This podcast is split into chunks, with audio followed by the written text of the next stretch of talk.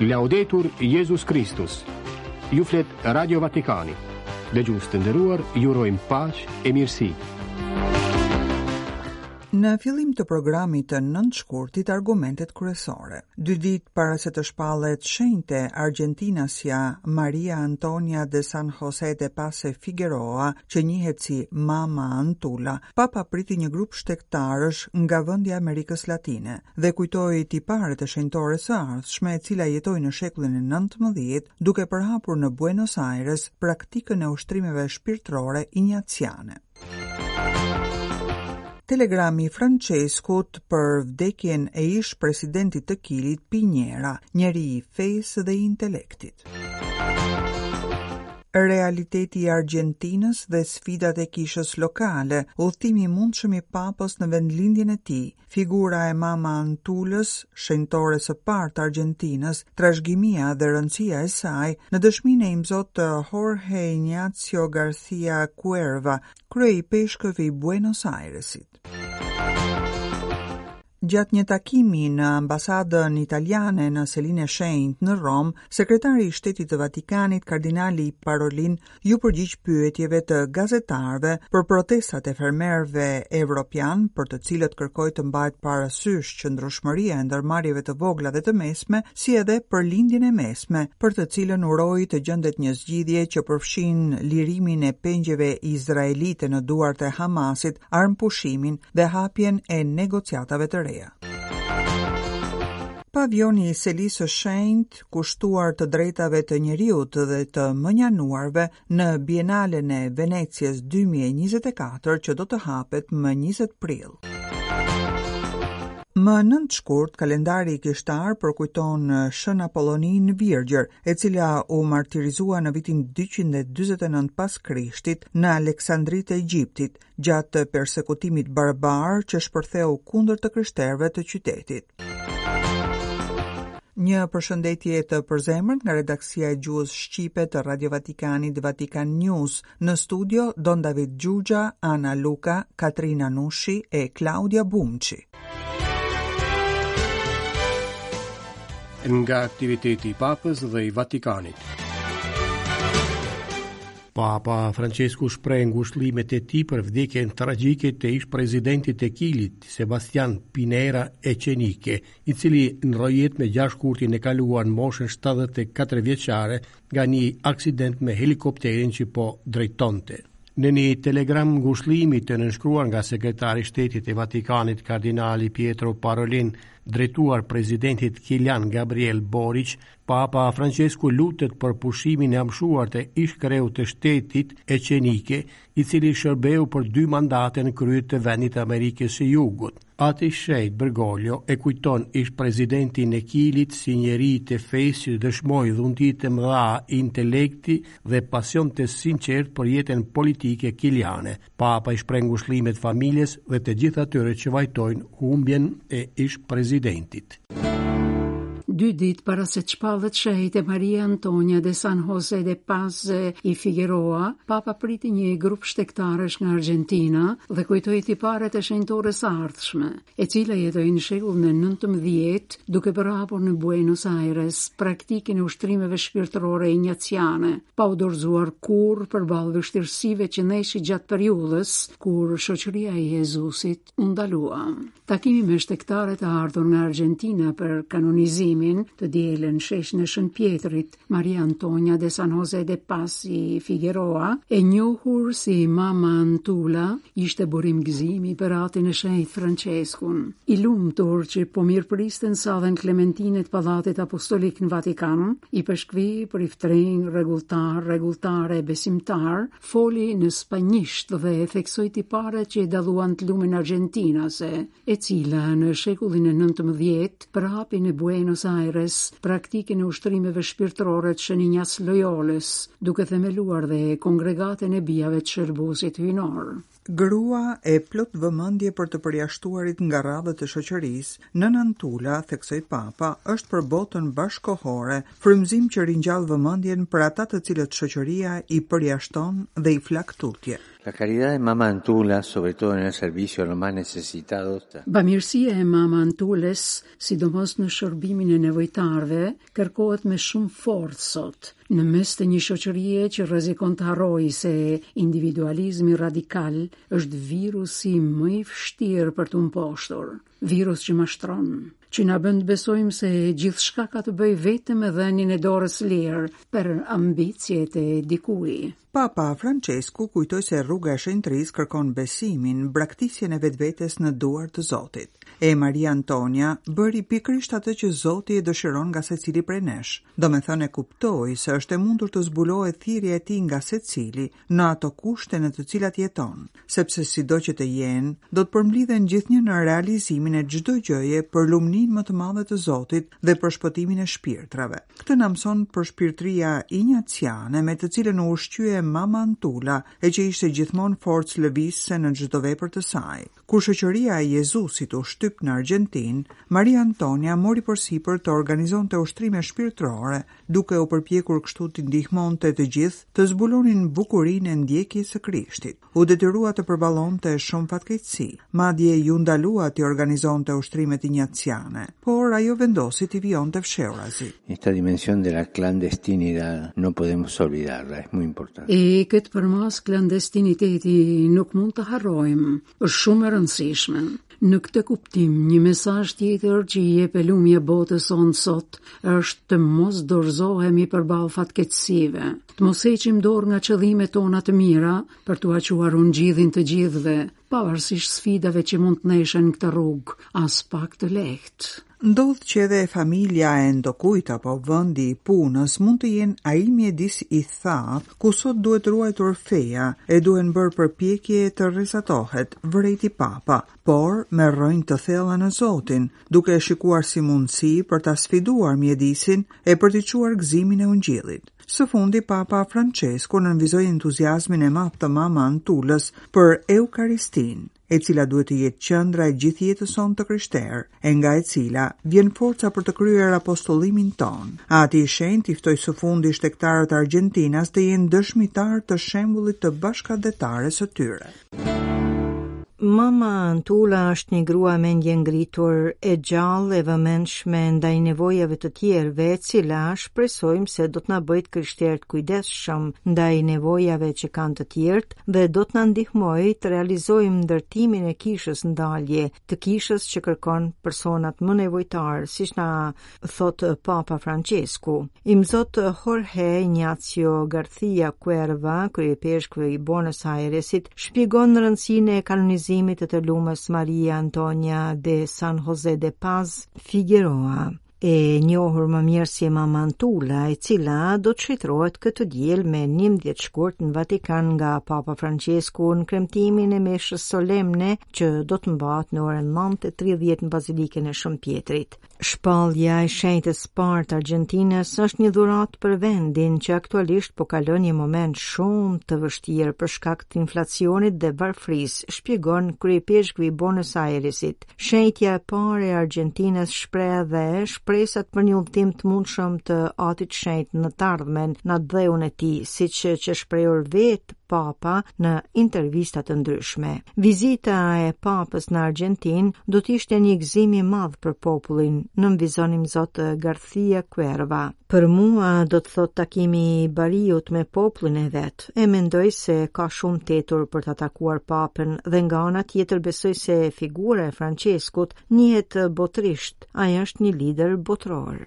Kryeipeshkvi imzot Garcia Cuerva komenton edhe mesazhin e Papës për Kreshmën e këtij viti. Nëpër shkretëtirë, Zoti na udhëzon të ecim drejt lirisë. Mesazhi i Papës për Kreshmë është një tekst me të cilin nënvizon kryeipeshkvi argjentinas, Ati i Shenjtë na fton të ruajmë gëzimin dhe të mos biem në trishtim, i cili na gërryen shpirtin, duke na penguar të vazhdojmë udhëtimin që na tregon Zoti.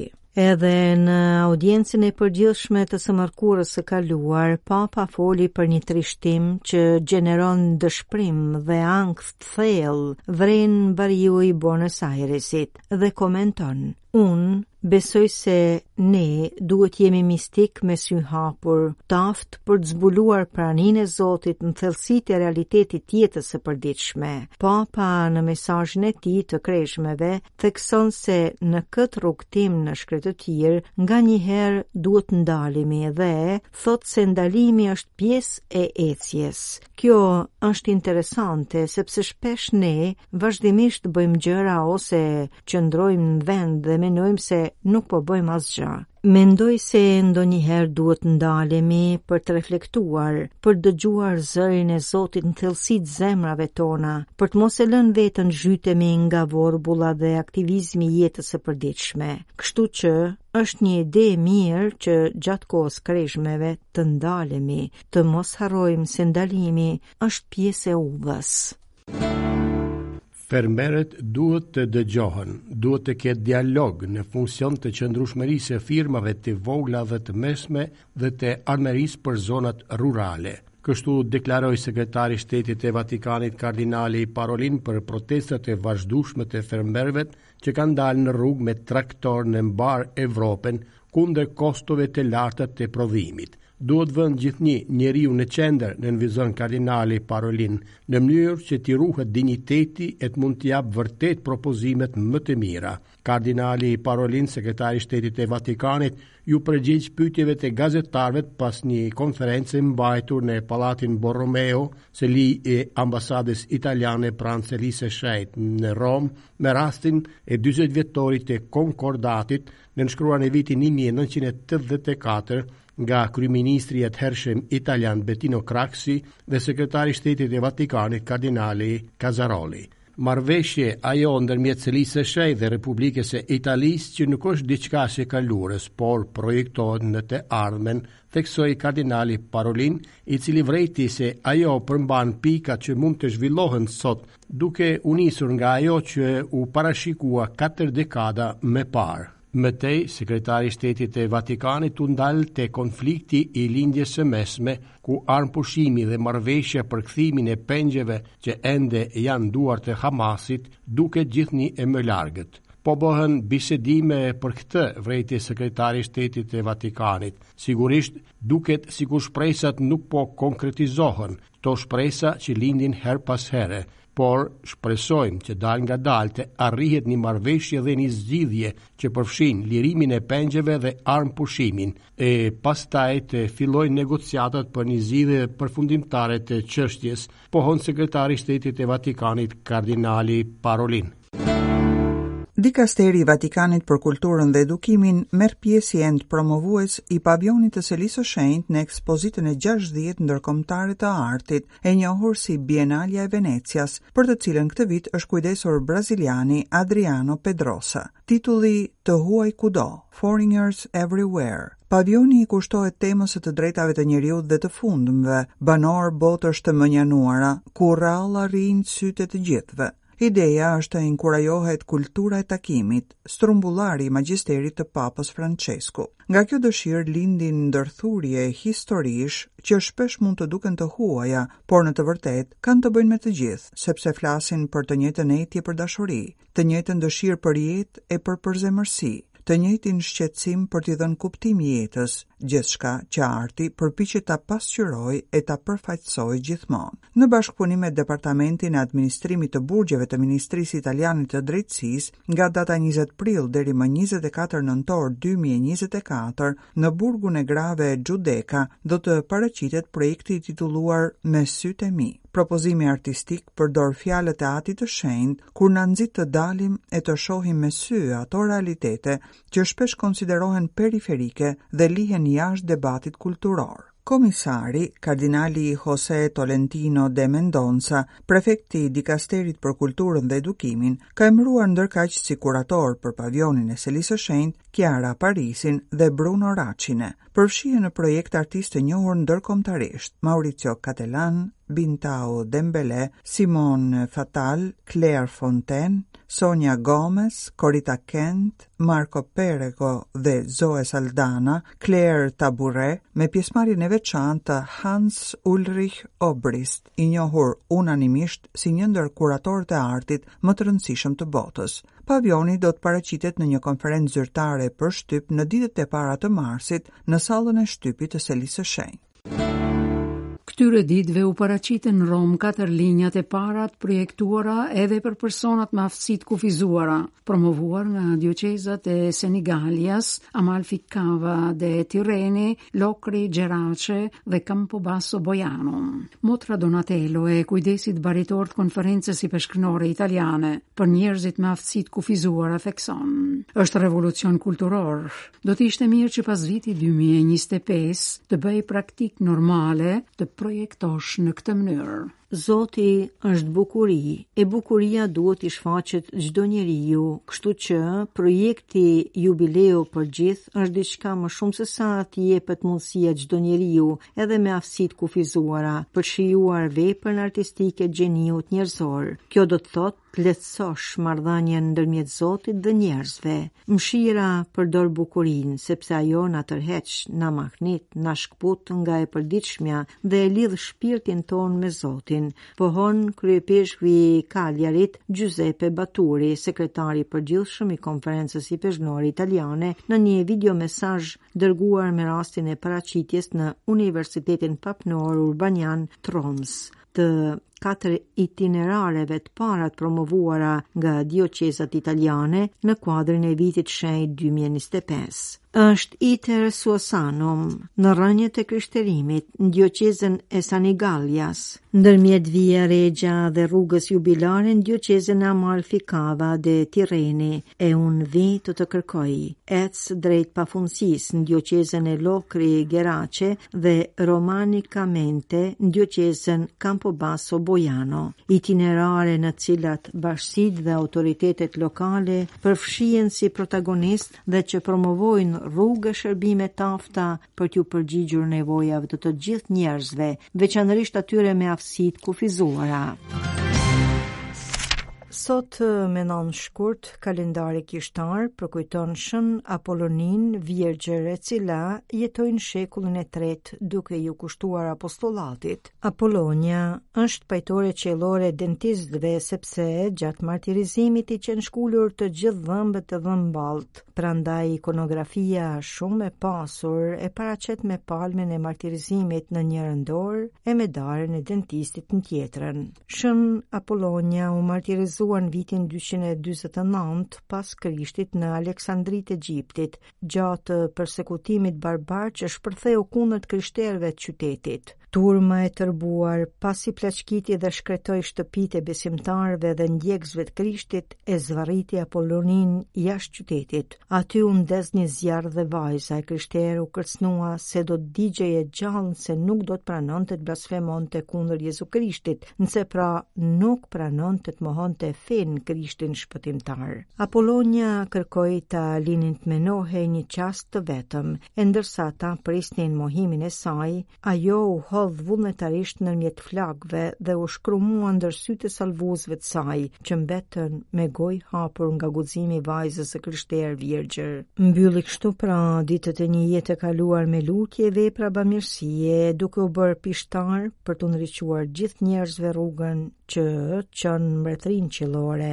Fundi i saj pati ngjallur shumë diskutime teologjike, që kanë të bëjnë me qëndrimin ndaj vetëvrasjes, nëse mund ta quajmë kështu vdekjen e shenjtores, duke pasur parasysh se Kisha Katolike nuk pranon që njeriu të vendosë mbi fatin e jetës së vet, sepse jeta është në dorë të Zotit. Këtu të dashur dëgjues përfundon edhe programi ynë për sot. Ju falënderojmë për vëmendjen e mirudëgjofshim nesër. Laudetur Jezus Kristus.